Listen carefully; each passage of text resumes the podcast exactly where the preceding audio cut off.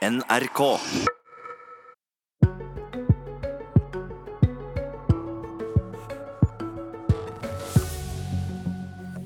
Arbeiderpartiets landsstyre samles i dag. Trond Giskes skjebne splitter partiet. Og Donald Trump viser nye takter i amerikansk Midtøsten-politikk. Vil Norge demme opp for det?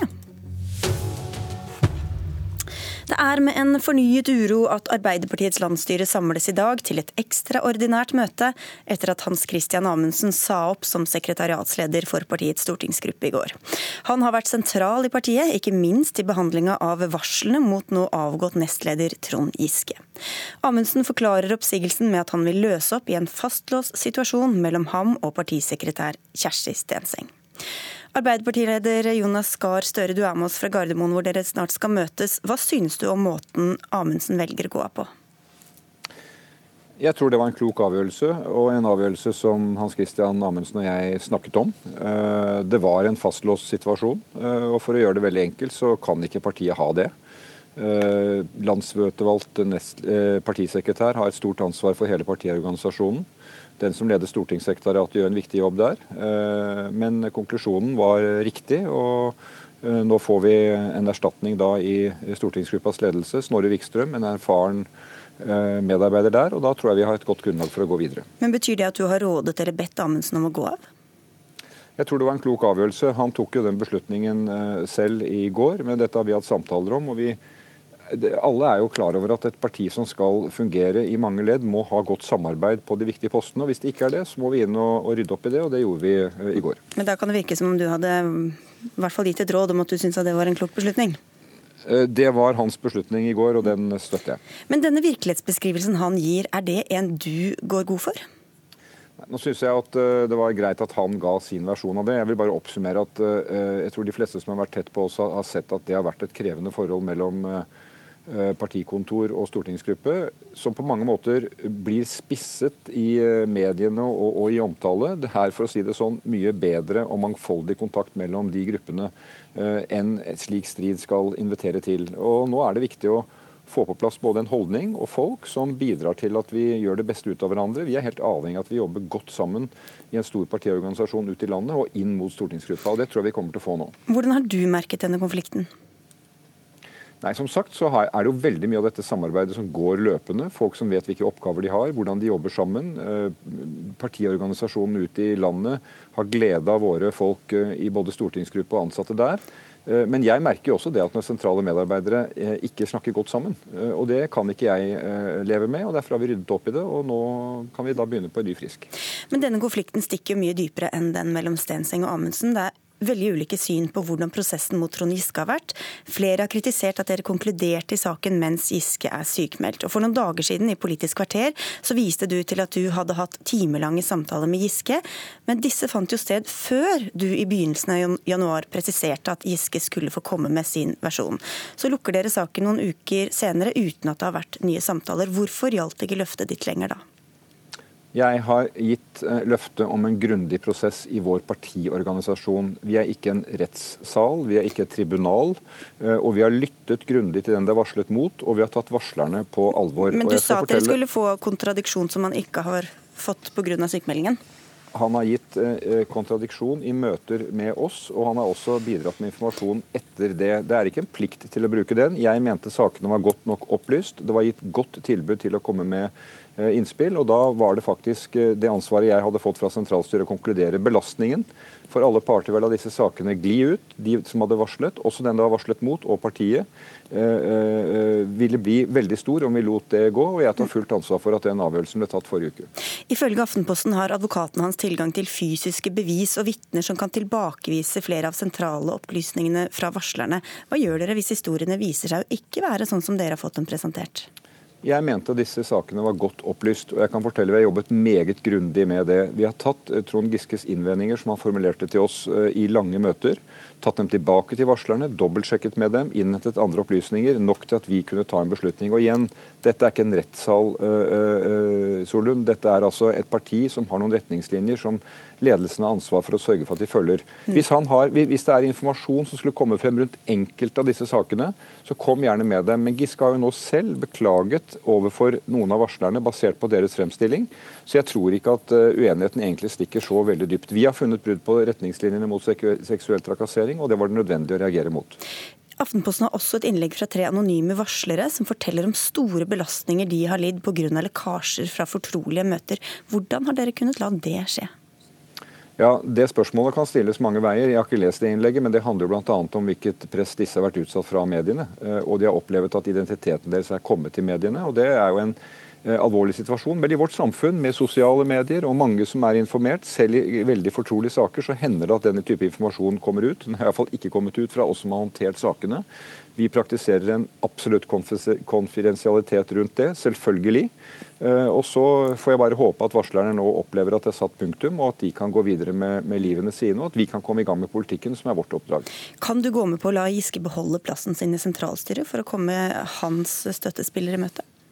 Eh, nå skal jeg møte sentralstyret klokka ni, så skal jeg ta min vurdering der. Men jeg har vært opptatt av at vi må være ryddige og skille sakene. De sakene vi har hatt å håndtere, varslersaker, må håndteres som varslersaker.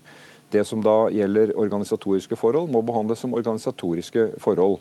Eh, og Da er det sentralstyrets et, et, godt sted å komme, hvor vi kan ta en felles vurdering og, og, og, komme til en god konklusjon.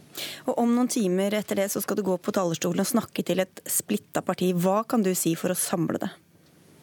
Ja, du vet at Jeg er skrudd sammen sånn at jeg kommer til et parti som jeg opplever tørster etter å være samlet. Eh, komme over til politikken. Eh, jeg skal holde et innlegg som jeg gleder meg til å holde. Det er et innlegg som skal oppsummere disse sakene, men også se framover på noen viktige punkter. Så jeg har full respekt for at jeg møter mediene som fokuserer på det som ikke går bra, men vi har veldig mye på gang i dette partiet, og det skal jeg bidra til å, å løfte fram. Og alle de jeg møter og har snakket med før dette møtet, har det som fellesnevner. La oss komme i gang med politikken, og det tror jeg forener oss mer enn disse sakene som måtte skille. Dere får ha et godt møte. Takk for at du var med. Tusen takk. Ha det godt.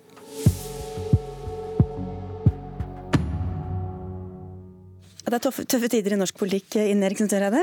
Ja, det er uh, absolutt uh, selvfølgelig vanskelige saker i mange partier. Og det tror jeg nok at mange partier merker at er belastning særlig for de som varsler, og som har opplevd noe som, er, som ikke er greit.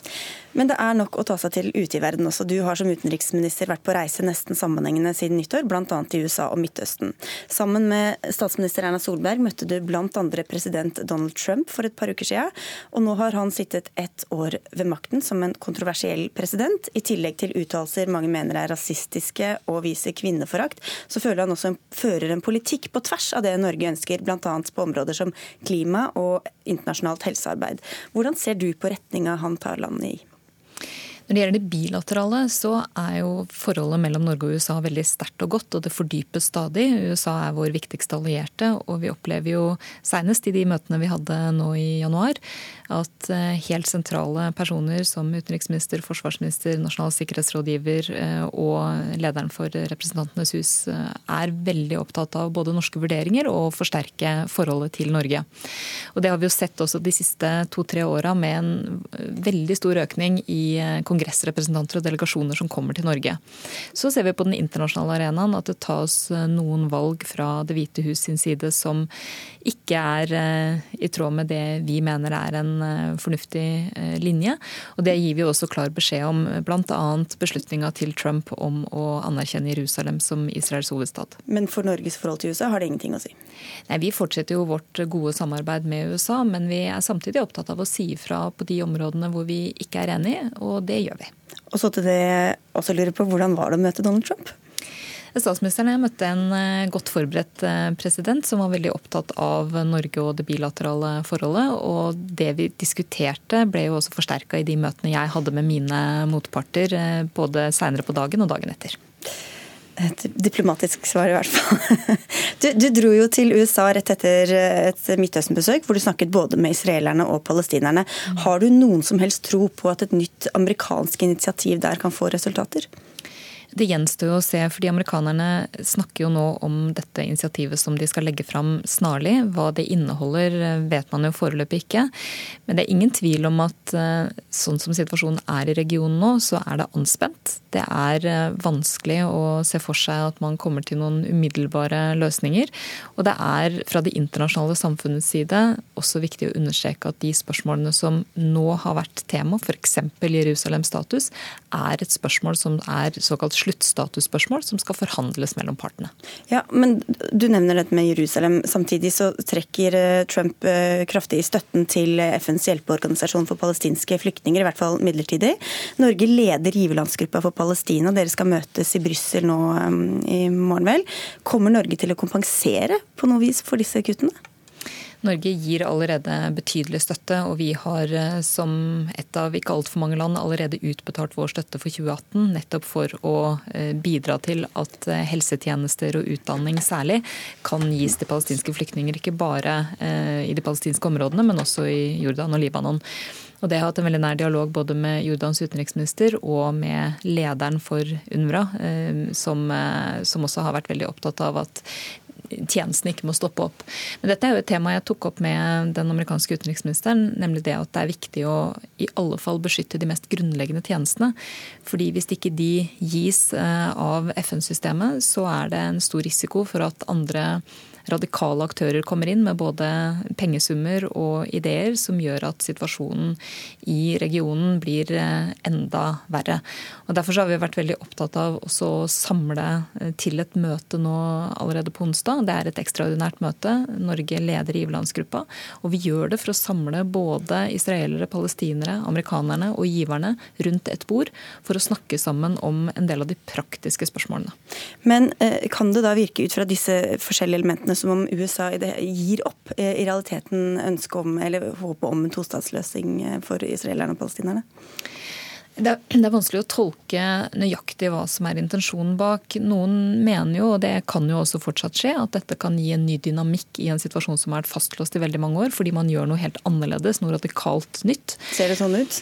Mens andre mener at det ikke kommer til å føre til en ny dynamikk, fordi posisjonene bare blir mer fastlåste enn det de har vært. Og da er Norges rolle i det og forsøke å samle partene rundt bordet og se hvordan vi kan bidra til å løse en del av de praktiske spørsmålene, som f.eks. at eh, de palestinske selvstyremyndighetene nå skal overta ansvaret på Gaza. Da er de avhengig både av penger og politisk støtte. Og det er jo et viktig bidrag til å komme videre i prosessen mot en tostatsløsning. Og Da nevnte du møtet med utenriksministeren. Du hadde snakket også med mm, forsvarsminister Jim Mattis. og da Ut fra andre meldinger så kan det se ut til at de har et annet syn enn Trump på utviklinga der. Eller på, på politikken? Det vil nok alltid være diskusjoner mellom eh, presidenten og de nærmeste Hva sa de til deg, da?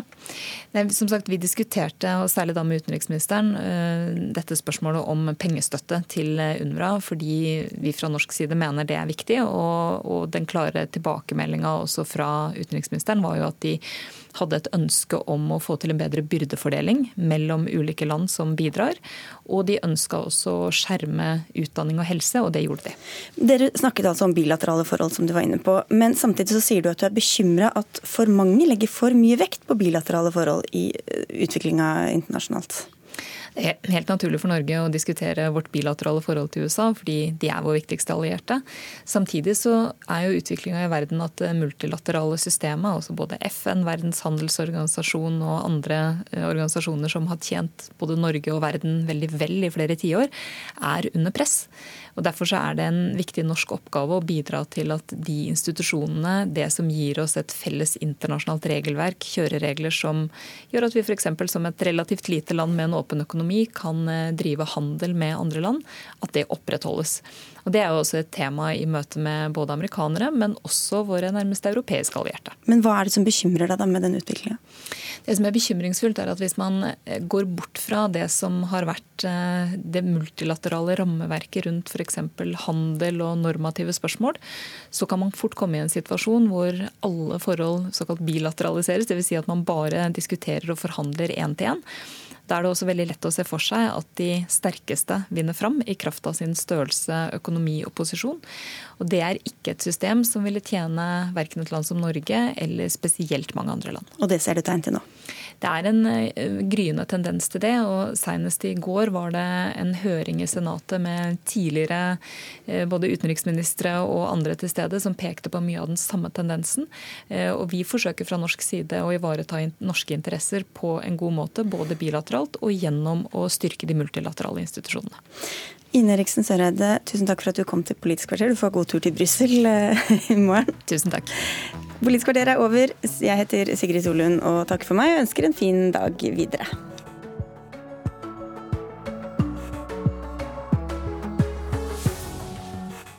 NRK.